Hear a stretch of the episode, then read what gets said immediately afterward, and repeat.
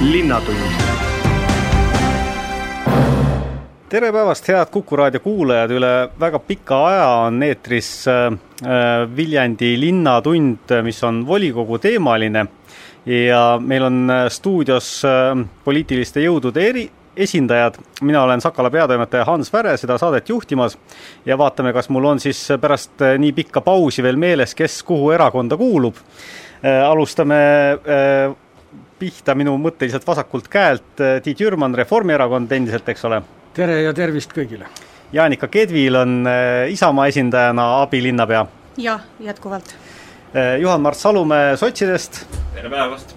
ja Helmut Hallemaa vist oli Keskerakond. olin Keskerakond asutajaliige, tervist kõigile, head inimesed, üle pika aja ja need kolm teemat, mis meil on siin äh, olnud äh, kavas ette võtta, on tegelikult ju äh, omavahel kõik seotud, ma alustaksin äh, sellest, mis äh, Äh, mis on siis konkreetselt tänase volikogu istungiga seotud, ehk siis äh, esimene lisaeelarve. Ja ega siin äh, muidugi midagi, midagi selles suhtes rõõmustada ei ole, et, et umbes poolteist miljonit on see siis väiksem võrreldes linnaeelarve on siis poolteist miljonit väiksem võrreldes esialgse kriisieelse eelarvega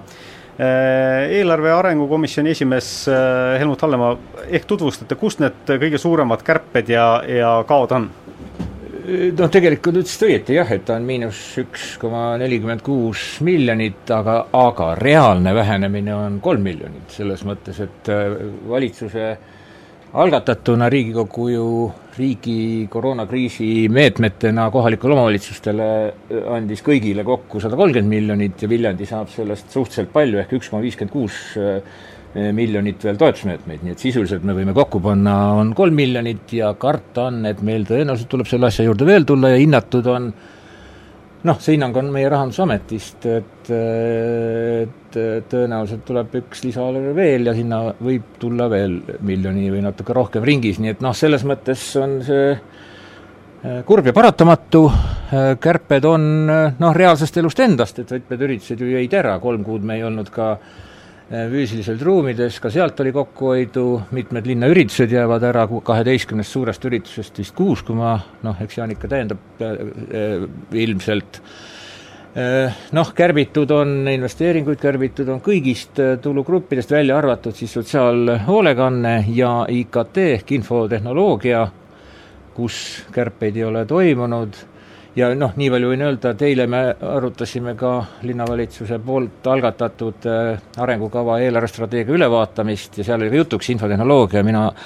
arvan, et ühes kohas me võiksime hoolimata kärpimise ideoloogiast tulla just vastupidi juurde ja, ja kavandada pikaajaliselt äh, uusi samme wifi alade laiendamiseks Viljandis, üks võiks olla siis Raekoja pargis ja Vabaduse platsil, et noh, see oleks äh, kaasaegne ja, ja tulevikku vaatav nii et noh. Natukene juba eelmine sajand ei ole? no aga paku sa paremat, meil ei ole isegi seda eelmist sajandit. Et et äh, noh, ikkagi väga paljudel noh, meil ei ole täna tegelikult ja seesama koroona ju näitas üle Eesti, et ka Viljandis, et tegelikult me ei ole infotehnoloogiliselt valmis kaugtööks paljudes kohtades ja selliseks, äh, selliseks massiivseks kas või kaugõppeks nii et noh, ega see jah, me oleme arenenud, aga meil on arenguvõimalusi ja ruumi veel päris palju, nii et noh, kärpimise osas ega siin ei oskagi täpselt öelda, käs-, kärbitud sai ka investeeringuid, noh näiteks sai teede osa maha võetud, samas sellest riigi toetusmeetmetest omavalitsustele me saame teedele kolmsada kolmkümmend üks tuhat nelisada kolmkümmend kuus eurot tagasi või juurde, me saame suurtele uutele investeeringutele kaheksasada kuuskümmend tuhat noh, lisaks äh, ma olen ise seda öelnud, ütlen siin noh, eks see on meie kõigi volikogus ja tänase koalitsiooni seisukoht olnud, et me strateegilisi suuri investeeringuid äh, püüame ikkagi ära teha, noh, kesklinna arendus ju käib, me ühise töö tulemusena saame juurde või saime juba juurde, tegelikult ka töö käib, see oli teine küsimus, mis läheb täna täna tõenäoliselt arutada, mis ka segadust paratamatult toob siia linna, et me saime juurde ka Tallinna tänava teise etapi renoveerimiseks üheksa kaheksakümmend tuhat ehk peaaegu miljoni Äh, Majandus-Kommunikatsiooniministeeriumi all toimuvast äh, transiitteede programmist, nii et äh, sellised need kohad on, need põhimõtteliselt kärbiti kõikjalt, kust oli võimalik, kõik sellised asjad, mis ei ole hädavajalikud, tuli lihtsalt lükata edasi, ega neid ära ei jäeta tegelikult. nii et nii palju ma oskan sulle öelda, kui täpsemaks lähme, siis kindlasti on võimalik siin konkreetselt öelda. mis meil siis täpsemalt ära jäävad? Kui me räägime koolide, lasteaedade ja teiste Viljandi linna allasutuste toimimisest, eh, siis kõik kärped on seotud eh, kas bürookuludega, sidekuludega, näiteks isikliku sõiduauto kompensatsioonisummade vähendamisega, aga põhitegevus ei tohi kannatada. lapsed peavad olema lasteaias eh, koolitatud, hoitud, õpetatud, samamoodi koolis. Täna ei, ei kärpinud me üheski koolis ega lasteaias näiteks õpetajate koolitusrahasid, sellepärast et ei ole võimalik sellist asja eh, tänase päeva seisuga kärpida, kui õpetajaid peab koolitama. Eh, ka sündmused, mis ära jäävad, linnavalitsus vaatas, eh, vaatas nüüd teise poolaasta teise poolaasta üritused üle ja kiitis siis Sakala keskuse direktori Jaanus Kuke ettepanekud heaks. nii et Viljandi linna sünnipäev tuleb, advendiküünla süütame, nii et need traditsioonilised teise poolaasta sündmused, mis on, need ikkagi tulevad ja, ja võib-olla tuleb sinna äh, aasta lõppu veel mõni selline üllatav sündmus ka, aga seda ma veel täna ei räägi. Juhan-Mart Salumäe, teil oli äh, kriitikat või täiendusi eelarve muudatustele? no eks opositsioon mõistab väga hästi, et kui kolm miljonit eurot on ikkagi vähenenud tulubaas ja riik ka nii-öelda poole sellest aitab kompenseerida, siis kärpeid tuleb teha. Ja tegelikult see dokument, mis meil täna ju volikogus menetlemisele tuleb, on esimene samm, kus valdavalt on kärbitud seda, mida ongi kõige lihtsam kärpida, mis tähendab äh, mõningad majanduskulud, äh, mõningad sündmused ja sealt on siis äh, saanud see summa hetkel kokku ja ametiasutuste juhtidega on kõvasti ka koostööd tehtud ja täna see eelarve natukene ka peegeldabki seda, kus ameti või kus siis allasutuste juhid ka näevad neid kärpekohtidena ja mõningad investeeringud ju ka, näiteks Leola kaksteist hoone hetkel lükkub edasi, et äh, see kõik on mõistetav. küll aga tegelikult äh, noh, on arusaadav, et ega Rahandusamet teeb ka täna parimad prognoosid, mis ta teab, aga päriselt see kõige raskem moment, kus tuleb päriselt äh, prioriteedid paika panna, tuleb meil september-oktoober, kui on teine lisaeelarve Äh, revisjonikomisjonis ja mitmes teises komisjonis on linnapea välja öelnud äh, selle summa, mis siis Rahandusamet on hetkel kalkuleerinud, mis võib veel nii-öelda kärpimisse minna, see on umbes miljon eurot, aga kurb tõsiasi on see, et nii-öelda betoonist on võimalik kärpida circa kolmsada tuhat. mis tähendab seda, et seitsesada tuhat eurot on potentsiaalselt niisugust raha, mida me peame omaenda tegevuste pealt võtma. ja see on nüüd tegelikult äh, see koht, kus päriselt peab hakkama prioriteete seadma me peame ka vaatama seda, mida teeb riigi äh, siis seadusandlik ja täidesaatev võim. ehk siis äh, mida teeb valitsus, kas tuleb veel teine lisaeelarve, mis mingil määral omavalitsusi nii-öelda tuleb päästma või mitte äh,. nüüd jõudsin pealkirja küll lugeda Rahvusringhäälingust, et äh, riik võtab äh, ikkagi hoopis viis miljardit eurot laenu, mis tähendab seda, et peab vaatama, kuhu need meetmed täpsemalt lähevad. kas, kui palju omavalitsustele tuleb. see on tegelikult äh, see, mis me täna volikogus teeme, niisugune esmane noh, õhu, õhu väljalaskmine, kust on võimalik seda teha. aga septembris läheb asi väga, väga raskeks. aga loomulikult see asi võib natukene muutuda, kui me vaatame, kuidas need arengud lähevad. Äh, mina olen selgelt sellel meelel, et me, kui me vaatame, kus nii-öelda tuleb riigi sihtraha ja kus on linna oma raha, siis noh, sihtrahad, kui me räägime näiteks haridusest, siis seal on päris palju sihtrahasid, mistõttu me peame jälgima seda, mida teeb riik seal meil nagu niisugust äh, vaba ruumi öelda, et nüüd me kärbime siit, seda ei ole ja jumal tänatud, et ei ole, sellepärast et siis võib äh, teha mõningaid äh, rumalaid samme äh,. aga kus ma näen, noh, kultuur on ikkagi, kultuurivaldkond on niisugune, kus väga palju noh, armastatakse öelda, et on niisugust luksust, aga teisalt Viljandi linn on Viljandi suuresti tänu kultuurivaldkonnale. seega noh, üks asi, mis me peaksime meeles hoidma, et kui see nii-öelda haamer tuleb tõesti suuruses seitsesada tuhat, et me omaenda identiteeti kärpe valguses maha ei müüks. aga, aga see on äh, koht, kus kindlasti oleks ka huvitav kuulata linnavalitsuse prioriteete, hetkel meil veel seda ei ole, me teame seda umbkaudset nii-öelda piirmäära, kus see äh, nii-öelda kärpimine võib tulla, aga siin ma loodan, et tuleb ikkagi sisukas diskussioon, kui info hakkab täpsustuma selle identiteedi mahamüümisega silmas peate? no just nimelt seda, et kui me hakkame kärpima jõuliselt kultuurivaldkonda, kui see peaks nii minema, ma loodan, et see ei lähe nii, äh, siis võib juhtuda, et see, et me saa-, saavutaksime samasuguse niisuguse kultuurilise mitmekesisuse, mitmekesisuse, nagu meil on olnud siin et selle taastamine muutub väga raskeks ja see, seetõttu mingisugune niisugune arengupotentsiaal selle võrra saab kärbitud. et me peame vaatama seda, et et äh, see, mis meil täna siin Viljandis on, äh, ei saaks selle kriisi mõjul niimoodi kannatada, et meil hiljem ole, on väga raske seda samale tase, tasemele tagasi viia.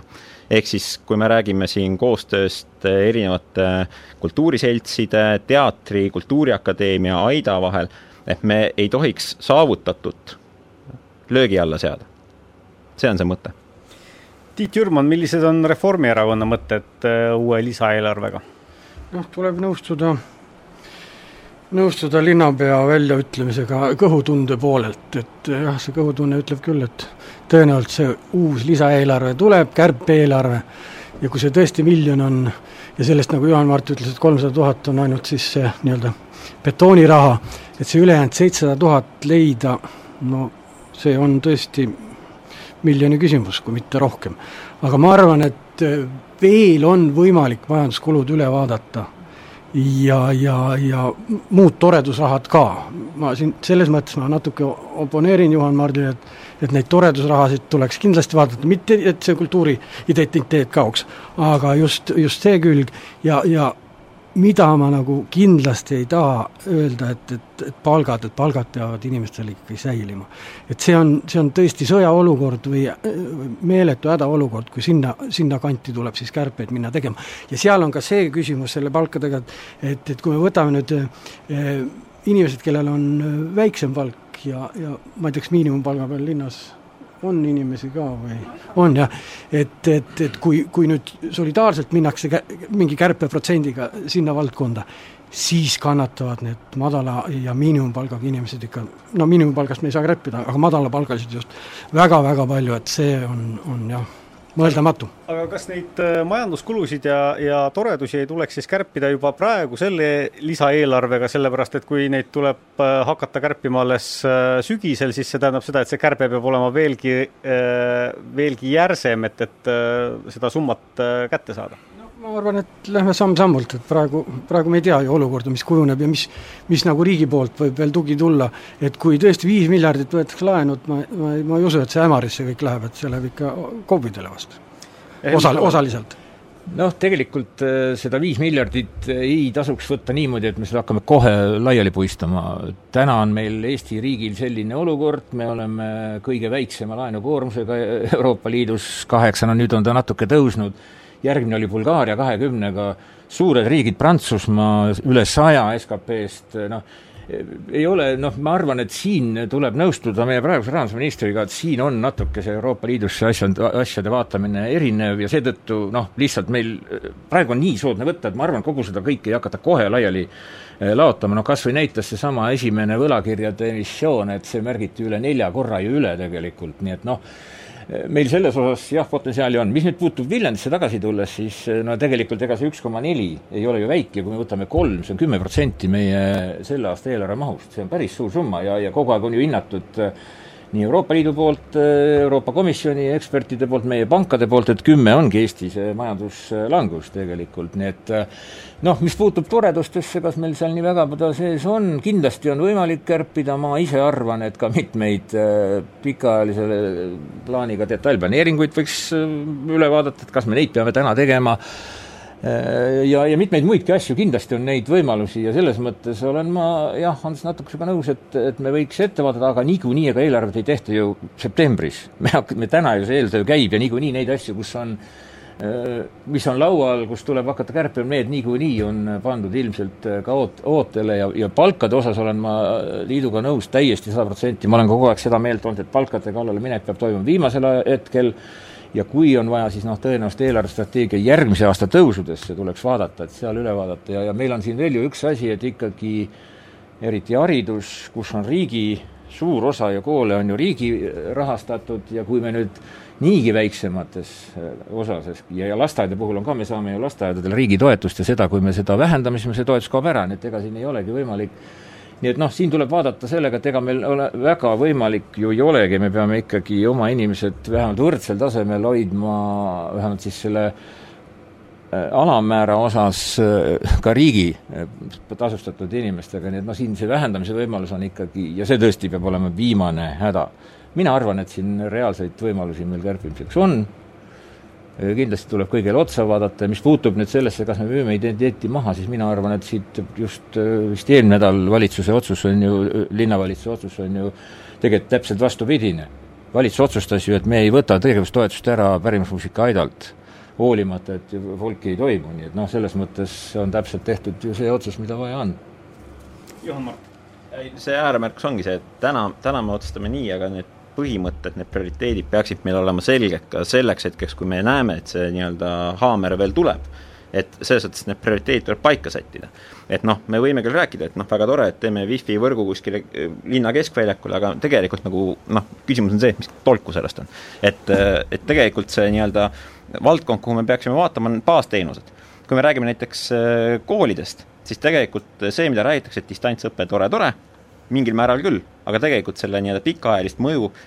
väga pingsalt äh, analüüsitakse praegu Tallinna Ülikoolis, selle nii-öelda ülesehitust, kuidas seda on võimalik teha jätkusuutlikumaks, ka seda analüüsitakse ja seega noh, kas wifi peaks olema keskväljakul või peaks meie koolides ja lasteaedades olema näiteks kogu aeg haridustehnoloogi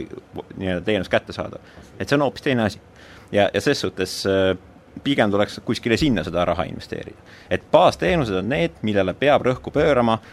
kõik kärped, mis seal tehakse, peab tõesti vaatama, millised on nende asjade pikaajalised mõjud. ja tõsi, ma olen nõus sellega, et IKT-sse tuleb praegu investeerida just nimelt sellepärast, et äh, need baasteenused peavad ennast äh, kohati ümber, ümber nii-öelda äh, häälestama selle peale, et peab distantsilt asju tegema aga, aga seda kõike peab nii-öelda mõistlikult tegema, et lihtsalt mingi wifi võrgu avamine, noh, tegelikult see ei ole lahendus. Tiit Jürgen ja siis Enu Tallemaa võtan siin sõna, sõnasabast kinni, et kuna wifi õhku visati ja seal see wifi tegelikult ongi, jah, et eh, enamusel inimestel on ju mobiilne andmesidepakett, et noh, väga paljudel, et saavad kasutada. aga mis puutub nüüd eelarvesse, siis jah, et ma ma ei, ma ei ole kindel, aga tõenäoliselt Rahandusamet ka sellega juba tegeleb vaikselt samm-sammult, et et, et mis nüüd, kui on vajadus teine lisaeelarve miinusega võtta, et siis siis oleks juba mingid märgid maas ja numbrid ees ja ja tõenäoliselt ka valitsusel on, linnavalitsusel prioriteedid nendes, nendes valdkondades, kus ja mida ja kui palju ja Helmut Hallemaa. no nii palju, et see infotehnoloogia koolides, selle peale ju me juba aasta algul kavandasime muudatusi ja tegelikult on koolides seda asja ju tugevdatud kogu struktuuri muudatusega, nii et noh, me oleme selles, sellest koroonakriisist kaugel ees. noh, wifi või mitte wifi, see wifi tegelikult on võimalik ka eurorahastusega või riigi rahastusega kohale tuua ja mina ei näe, mis on selle platsi mõte, kui me seal jala käime ja seal ei saa kas või korralikult sellist asja teha, mida kogu maailm teeb nii et noh, see on niisugune jah, tõesti võime arutada seda, et eh, see ei ole miljoniga kulutus tegelikult ja see on võimalik ka lisakulutusena juurde saada. Eh, jah, kindlasti nende asjadega tegeldakse, aga me ei peaks ka ühegi kriisi pärast lolliks minema, arvan mina. Kui sa pidasid selle struktuurimuudatuse all silmas seda, et meil on nüüd see nii-öelda IKT nii-öelda amet või amet ta ei ole, aga ta on nii-öelda teenistus, et tegelikult see otseselt seda nii-öelda haridustehnoloogi poolt ei kata. et meil on olemas äh, küll haridustehnoloogid poole kohaga siin-seal, aga näiteks lasteaiad praegu on veel üpris katmata, aga samas seda abi oleks seal ikkagi vaja. ehk siis tegelikult see teenistus ei ole see, mida, mida me peame silmas haridustehnoloogia all. et see on puhas nii-öelda tehnika, et seda ütles ka teenistuse äh, valitud juht, ehk siis äh, noh, neil on kaks eri asja ja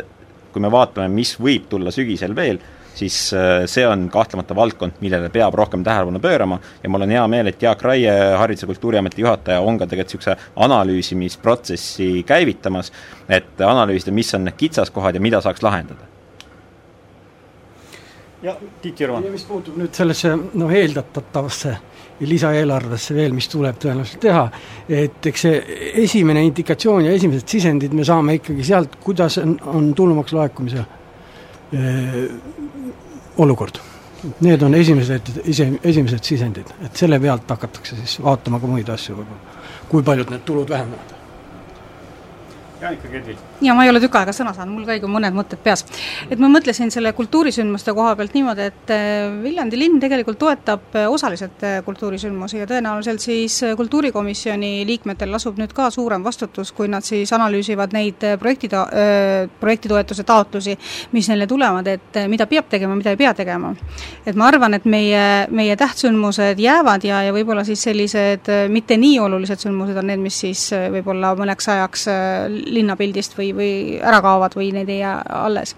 aga tõenäoliselt peab äh, omavalitsus äh, vaatama otsa kõigile sellele, mis on meie kohustus. Et minu, minu südameasi on see, et ükski kohustuslik teenus, mida omavalitsus peab oma, oma inimestele pakkuma, ei kannataks. Ja tegelikult kõik see, mis on sealt väljapoole, need on toredused. Ja nüüd ma siis ei tsiteeri mitte iseennast, vaid Rahandusameti juhatajat Marika Aasat, et kriisi ajal tulebki toredustele äh, joon peale tõmmata. Aga tähtsündmused jäävad ja, ja mis on nagu tore, on see, et et Tartu kakskümmend kakskümmend neli kultuuripealinna protsess läheb edasi. Äh,, selle projekti äh, entusiastid ja eestvedajad tulevad äh, minu andmetel kas augustis. Äh, augustis äh, komisjonide ja volikogu ette oma plaane tutvustama, nii et ilmselgelt saab meie kultuurielu siin suurt vaheldust just nimelt seoses selle, selle projektiga ühe suure projekti juurde tahaks minna, mis Viljandi linnas on käimas ja mis nüüd koroona tõttu on isegi suurem, kui, kui ta oli plaanitud, ehk siis Viljandi kesklinna rekonstrueerimine, mis algselt pidi siis ütleme, Tallinna tänaval pidi ulatuma Tartu tänava otsani, nüüd põrutab välja Uku keskuseni. Teatavasti projekt ju oli, oli kõige selle jaoks olemas, küll aga ei olnud veel siin vahetult enne koroona puhkemist selle jaoks raha. seejärel nüüd raha on leitud. praegu tundub, et, et läheb nagu selles vallas läheb nagu väga kenasti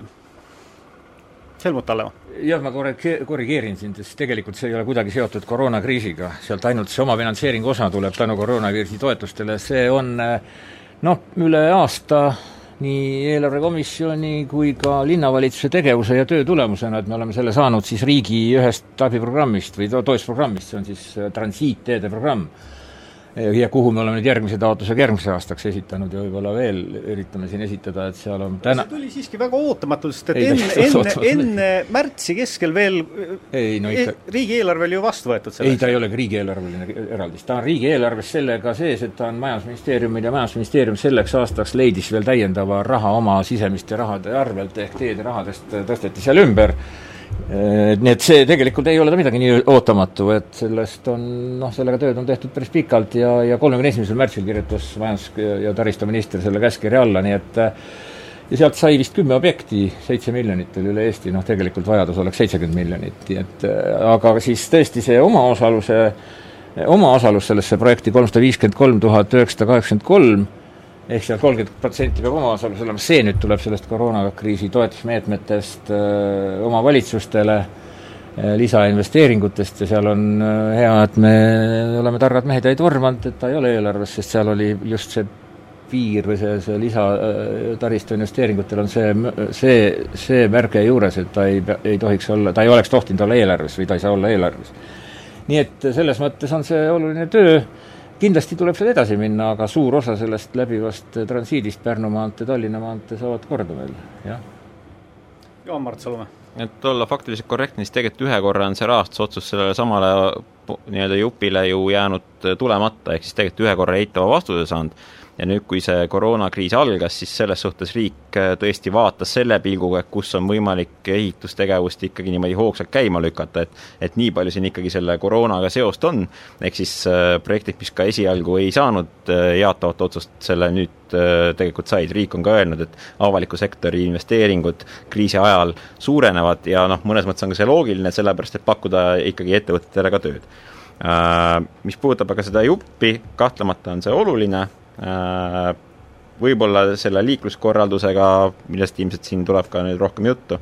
et äh, mõningaid kitsaskohtasid on, et kui me vaatame neid bussipeatuste liikumisi, mis on olnud, siis tegelikult siin on murenoote olnud mitmeid, et kui märki suudetakse ümber tõsta, siis miks ei suudeta ajutist pinki sellega kaasa nihutada, et see natukene käib minu meelest loogika vastu. et võib-olla siin on ka see, et natukene hanke planeerimises on niisugune takkajärgi tarkus loomulikult, et oleks võinud natukene rohkem neid tingimusi täpsustada ja noh, kui vaatame Tallinna praktikat, siis Tallinn ju isegi paneb äh, selliste tehi-, tööde äh, hangetesse ka selle tingimuse, et peab ka seda nii-öelda parkimist vajadusel korraldama. et äh, nii-öelda see liiklus oleks sujuvam selle ehitustegevuse juures. aga see on takkajärgi tarkus, kokkuvõttes noh, ütleme niimoodi, et peaaegu et tasuta saadud täiendav teejupp, mis loodetavasti oma kvaliteedi poolest kestab paarkümmend aastat, ilma et me peaks sinna uuesti panustama.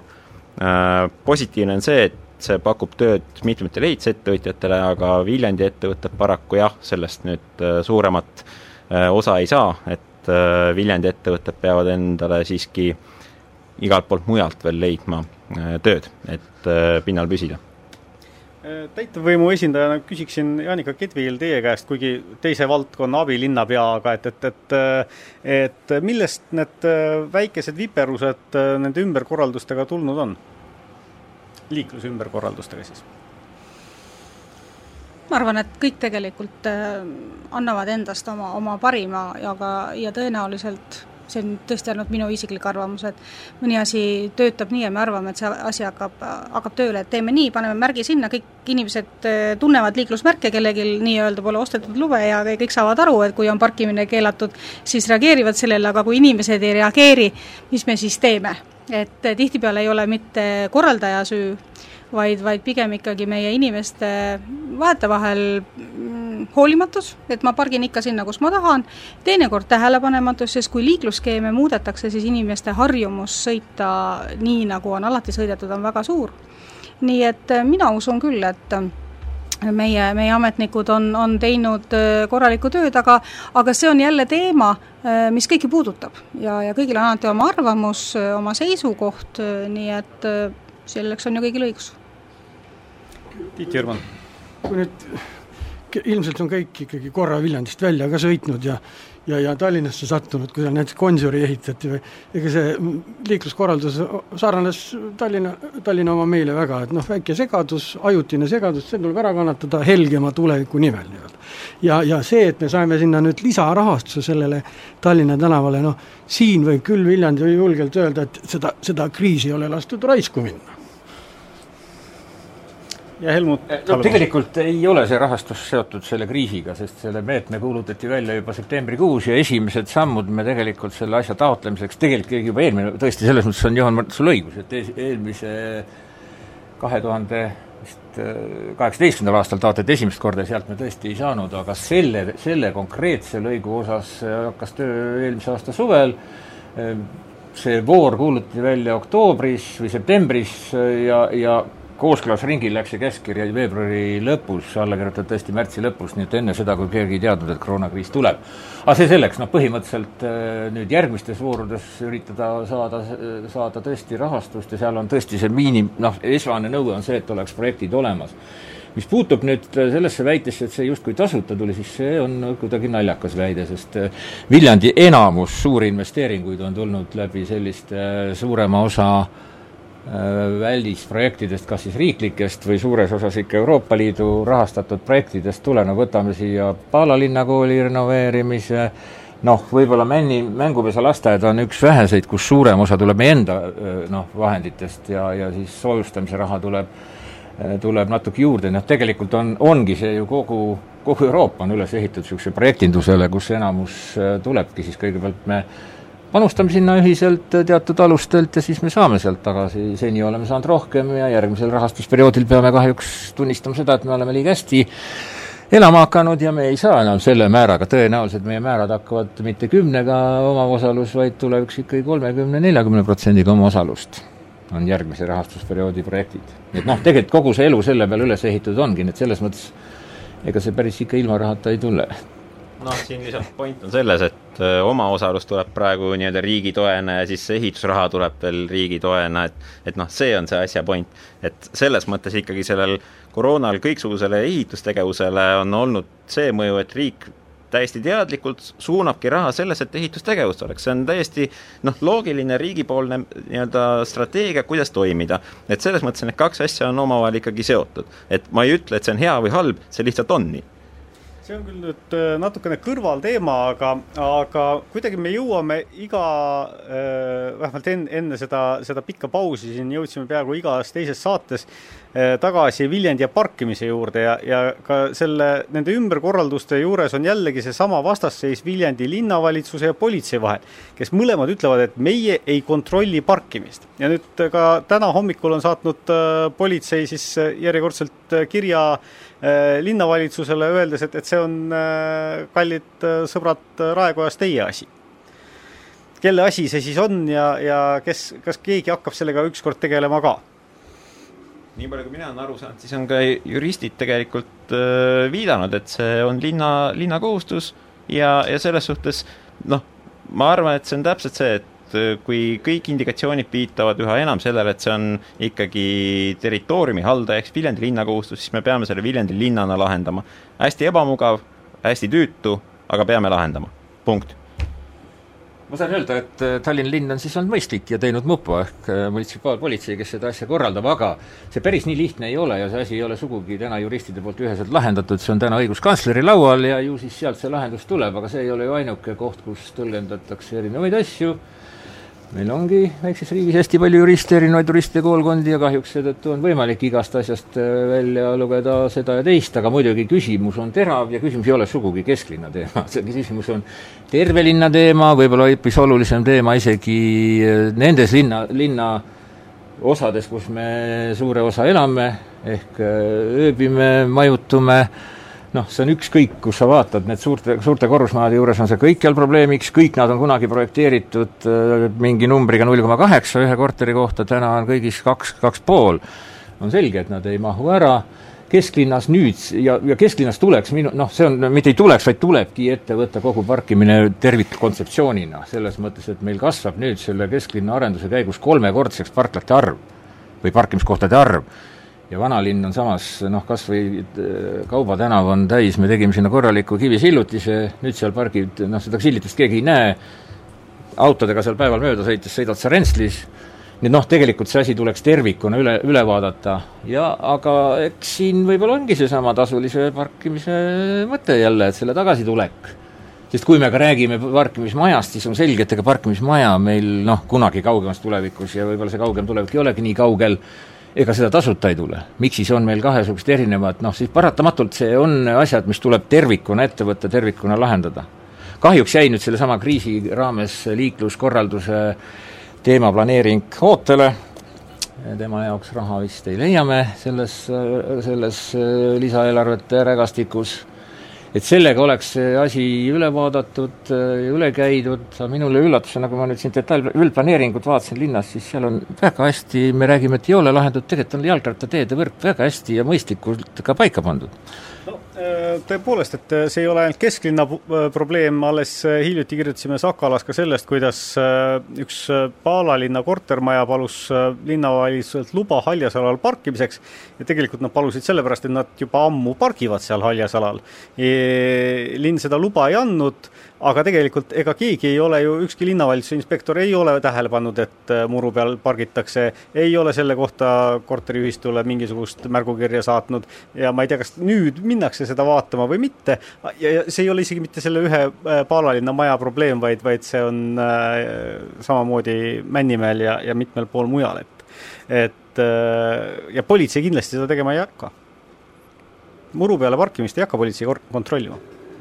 ja, ja, ja muru peal ei tohiks parkida, selles mõttes on sul õigus, aga siin on teine teema veel, mis kerkis sellesama teie poolt tõstatatud bussipeatuse liikumise käigus, et meil on päris palju neid kohti linnas, kus on kas siis kokkuleppel või mitte kokkuleppel on tegelikult võetud linnamaad, noh, üks on, kuhu ma aitasin ka tuua kõnniteel raha natuke, see on siis Riia maantee ja Reinude ristil, siis selgus, kui me hakkasime ehitama, et teede remondi ehitusvalis kunagi on lihtsalt oma aia poolteist meetrit kaugemale pannud. Neid, neid maid on siin linn täis tegelikult Jürmanil oli näpp püsti. näiteks toodud kortermaja, et noh, ma ei õigusta küll nüüd seadusetust, aga aga võib-olla ta poleks pidanud seda kirja saatma lihtsalt. aga mis nüüd puutub kesklinna, siis siia stuudiosse tulles no kesklinna on praegu ligipääs raskendatud. ja kui ma üritasin parkida, siis praktiliselt võimatu on parkida, et ma ei usu, et need on nüüd äride ja kaupluste külastajad. et need on kõik tõenäoliselt kesklinnas töötavad inimesed, kes on siis selle kesklinna päris, päris ääreni praegu täis parkinud. et see vajab korraldamist, Helmut tõi siin välja, et, et võib-olla tõesti tasuliseks muuta, aga siis peaks seda noh, korraldama keegi teine, mitte linn, eks ole. ma ei tea, kuidas nüüd õiguslikult see on, et, et kui tekivad vaided, et kas siis peab lahendama linn need vaided või siis on,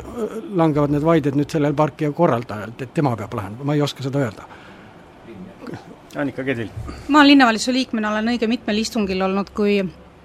on arutatud ühistute pöördumisi seoses parkimiskohtade juurdeehitamisega ja õige mitmel korral on, on need saanud ka linnapoolse heakskiidu ja loa.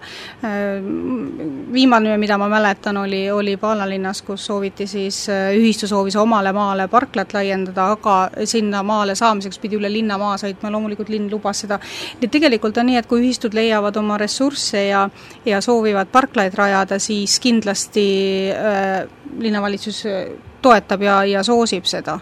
nii et äh, ütleme siis nii, et äh, on vähem üksikuid juhtumeid, kui, kui ära öeldakse ja ära öeldakse siis, kui ei soovita teha parklat avalikuks kasutamiseks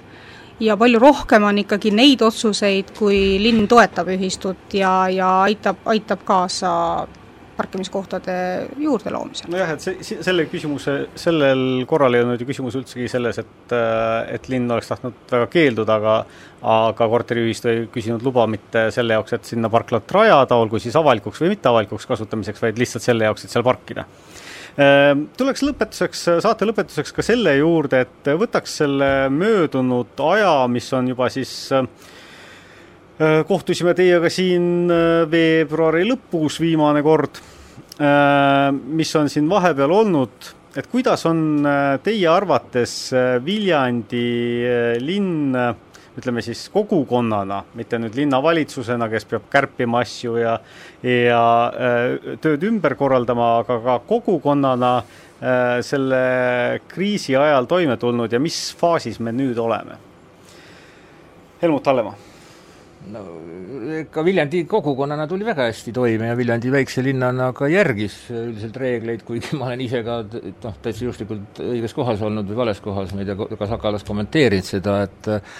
ega mul endalgi tuli päris kümneid kordi öelda ikkagi inimestele, et olge head, ärge tulge mulle külla alla. et eks neid asju oli kindlasti mis puutus nüüd, puutub nüüd ettevõtlusesse, siis tegelikult eks see mõju veel tuleb ja kannatada tõenäoliselt võivad saada need tootvad ettevõtted kahjuks, no ka näiteks Clever oli ka üks nendest, kes siis väljas, välis, välistarneid teevad, et tarnete mahud lihtsalt vähenevad ja me oleme väike riik, avatud riik, meil see mõjub kohe, mis puutub turismi, siis mul on ülimalt hea meel, et vähemalt meie turismiettevõtted, kas oli eile või üleeile teie saate kaudu ju ka,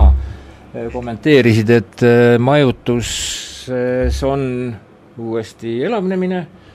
ehm, näiteks Park hotellil on kõik nädalavahetused täis eh, broneeritud eh, ja ka tennis on siin, noh, ka siin me peame toetama linna või tunnustama linna ja, ja eraettevõtja koostööd, et, et see alt tenniseväljakud said korda, nad on tõesti väga tipptasemel ja siin käivad rahvus, ütleme Eesti võistlused, miks mitte ka rahvusvahelised võistlused võiksid siia tulla nii et noh, ma arvan, et on, on hästi hakkama saadud, mina olen seda meelt olnud, ma võin saada ka kriitikat, kui keegi ütleb, et need, kes asusid koondama esimesel päeval pärast koroonakriisi, need ettevõtted ei ole seotud kuidagi selle kriisiga, vaid neid päästis see kriis, et et said, said kuidagi kuhugi selle asja noh, ära maandada, nii et tegelikult need mõjud võivad veel tulla eriti kahjuks võivad nad tulla meie eks-, eksportivatesse äh, lülidesse, aga loodame kõige paremat ja see sõltub väga palju maailmast, Euroopast tervikuna no inimeste suhtumine on e äh, erinev sellest, et kuidas nüüd peaks neid äh, meetmeid, ohutusmeetmeid veel rakendama, et, et et ka näiteks peaminister Jüri Ratas, teie erakonna juht, on öelnud, et et maskide kandmine peaks olema sotsiaalne norm, ometi me istume praegult siin stuudios ja kõigil on maskid ees, välja arvatud Helmut Hallemaal ja Jaanika Kedvilil. ja kaks pluss kaks reeglist selles väikeses ruumis kinni hoida küll kuidagi ei saa et, et kas me oleme siis nii-öelda jõudnud nüüd sellises, sellisesse seisu, et viirust ei ole enam ja, ja kui ma vaatan ka näiteks nakatumisstatistikat, siis tõepoolest justkui ei ole enam. No tegelikult me Eestis oleme ju, meil oli kaheteistkümnendast äh, märtsist kuni kuue, seitsmeteistkümnenda maini oli eriolukord, mis ongi, ja see oli seotud tervishoiualane eriolukord, siis me läksime äh, tervishoiualasesse ohuolukorda ja nüüd me oleme ohuolukorra eelses olukorras, nii et noh, tegelikult meil on kindlasti leevendunud, mida, mis mul meelde jäi selle nõukoja, tervisenõukoja, mis siis to-, tõesti koroonakriisiga ju või Covidi kriisiga tekitati, Irja Lutsari sõnast, sõnadest või, või intervjuust, et esiteks laus või see, see pisteline statistik, pisteline analüüs,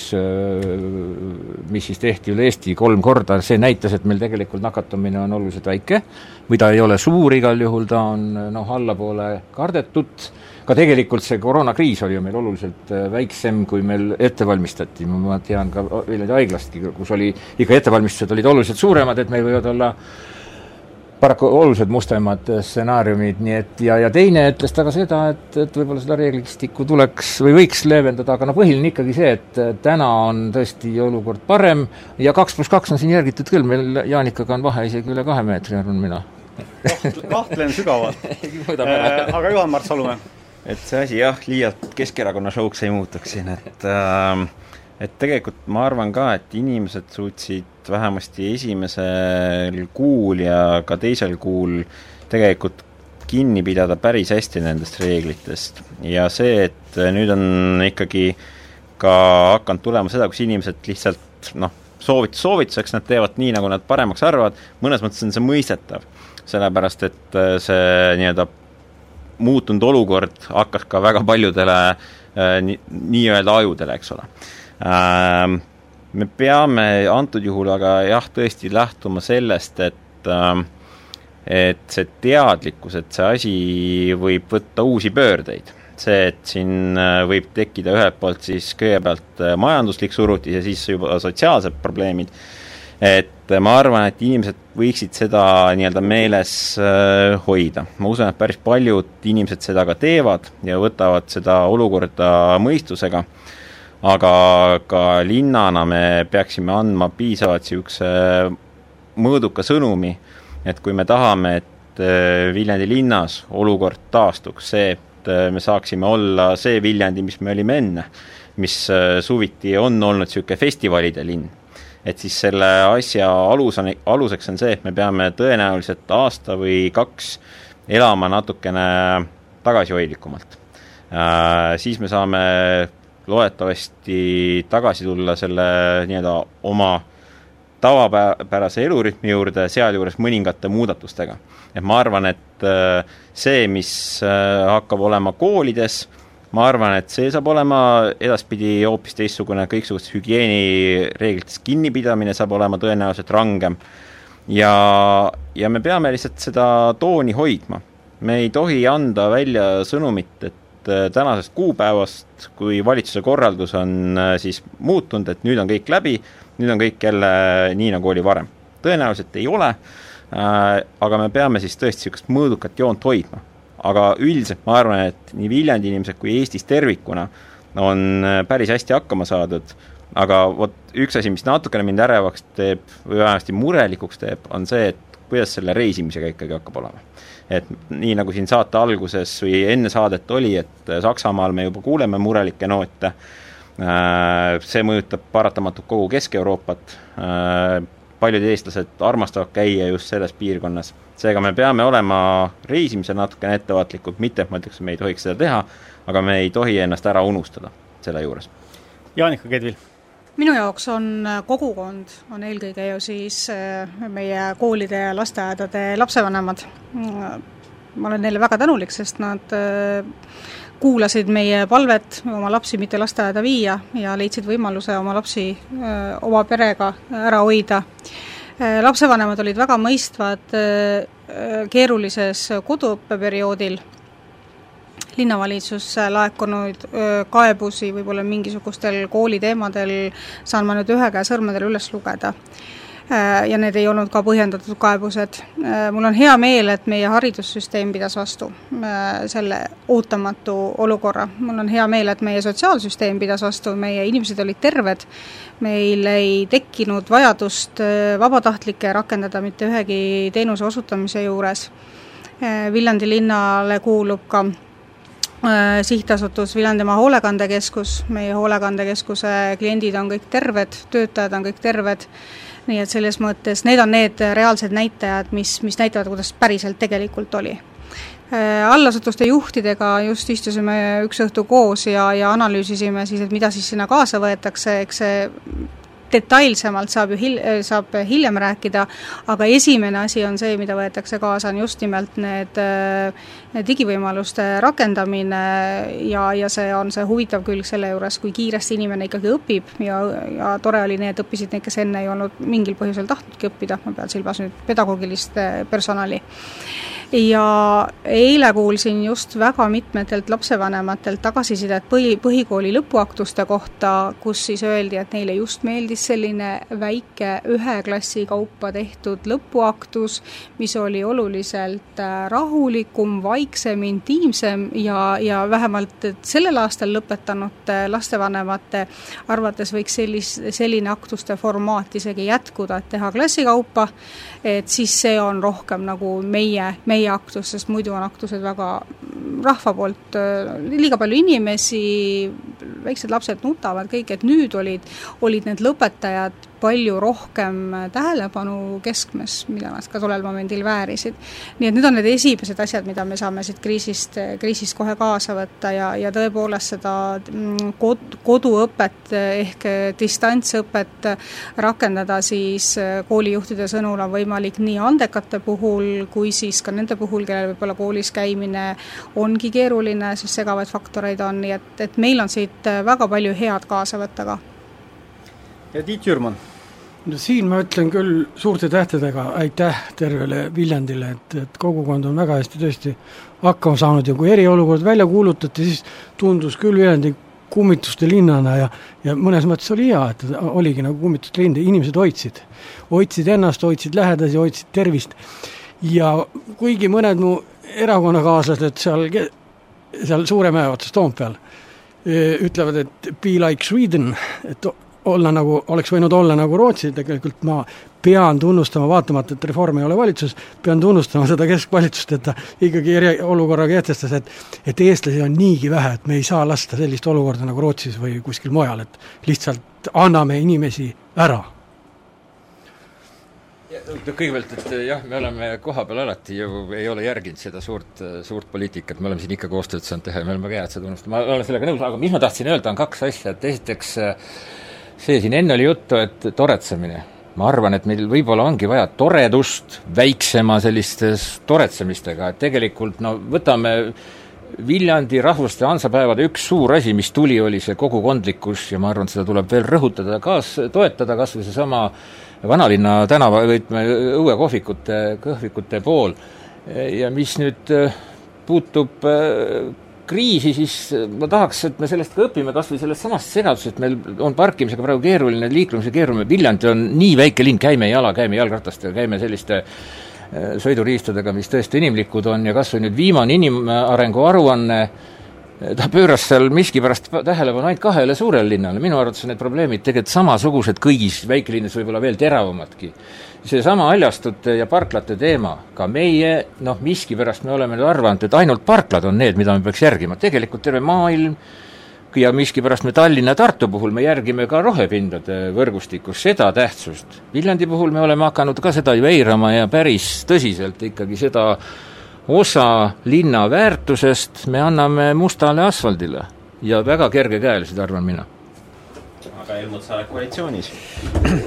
See ei ole koalitsioon, see on palju enne, ka need projektid, mis siin kesklinnas on tehtud, tehti eelmise koalitsiooni ajal, kus ka sotsid olid põhitegijad ja siis me olime opositsioonis. mis sa nüüd jaurad, mis sa jaurad? sina juhtisid arengukava viimane kord, sinu käekiri on seal nii tugevalt ei, kesklinna arenduse projekt tehti mitte, mitte arengukava raames, vaid see on enne seda, mida me praegu ellu viime Tiit Jürman oli veel üks ääremärkus. ma kasutan, kasutan võimalust ja, ja kutsu, kui nüüd keegi seenioritest või eakatest juhtub kuulama seda saadet, siis palun hoidke ka turul seal rohkem seda distantsi, et, et noh, te olete ohustatud grupp ja, ja palun järgige ikka natukene ennast ja teisi ka. No praegu on suur suvi ees, küsin lõpetuseks hästi kiiresti, et kas see on teie puhkuseplaane ka muutnud, et kuskile enam sõita ei saa või vastupidi, te ei julge minna näiteks kontserditele, mis toimuvad? no, no minul on matkabuss broneeritud. Euroopa ootab või o Eesti? E, ikka, ikka kaugemad kohad. minu plaanid on küll pea peale pööratud, aga ma olen kiire kohaneja ja sellega seoses, et kuskile kaugele minna ei saa, siis on mul nüüd äh, aiamaal rohkem kartulit kui enne ja koduaias on kaks kana ka. nii et isemajandav äh, ketvill? absoluutselt mina, mina paaril korral satun Lätti, aga üldiselt tuleb mul töine suvi ja tegelikult on ka Eesti väikesaared veel suht avastamata, nii et pigem küsi, püsin kodus ei, mina viimasel ajal üldse olen püüdnud puhata koos töötades ja selles mõttes äh, ka väljaspool piiri, neid sõite on tõesti piiranud see olukord, aga loodame, et see asi taastub. Äh, mis kodumaal, väga ootan seda aega, kui esimesest äh, juulist saab uuesti spordivõistlustele pealtvaatajaks, toetama ka meie tublit Viljandi jalgpallivõistkonda, ehkki sinna on ka väljast päris jõudu juurde toodud, läheb neil praegu päris hästi, nii et selles mõttes plaane natuke ta on muutnud, aga suures plaanis mitte ja üldjuhul jala liikumist ja mul oli väga meel oli tunda ja näha, et liiklejaid on rohkem ja seda öeldakse ka teiste linnade kohta, võib-olla nad paistsid lihtsalt silma selles koroona ajal, aga et, et liigutakse palju ja liikuda tuleb palju ja, ja Viljandis on võimalik liikuda. nii, ma väga tänan äh, stuudiosse tulemast äh, Helmut Hallemaad Keskerakonnast. ilusat suve kõigile! Juhan-Mart Salumäed äh, sotside hulgast. ilusat suve! Annika Kedvilit Isamaa esindajana. kaunist suvepuhkust! Ja Reformierakonnast Tiit Jürmani. aitäh, kõike head! mina olen Hans Väre, saatejuht ja Sakala peatoimetaja, helipuldis oli Kaie Mölter äh,. ilusat suve teile, head kuulajad, ja kuigi äh, Linnatunni äh, volikogu teemaliste saadetega tõepoolest on meil vist nüüd väikene paus jälle suve puhul, siis, siis Kuku raadio sagedusel jätkuvad saated ikka ja Sakala ilmub samamoodi edasi. aitäh teile! Linnatund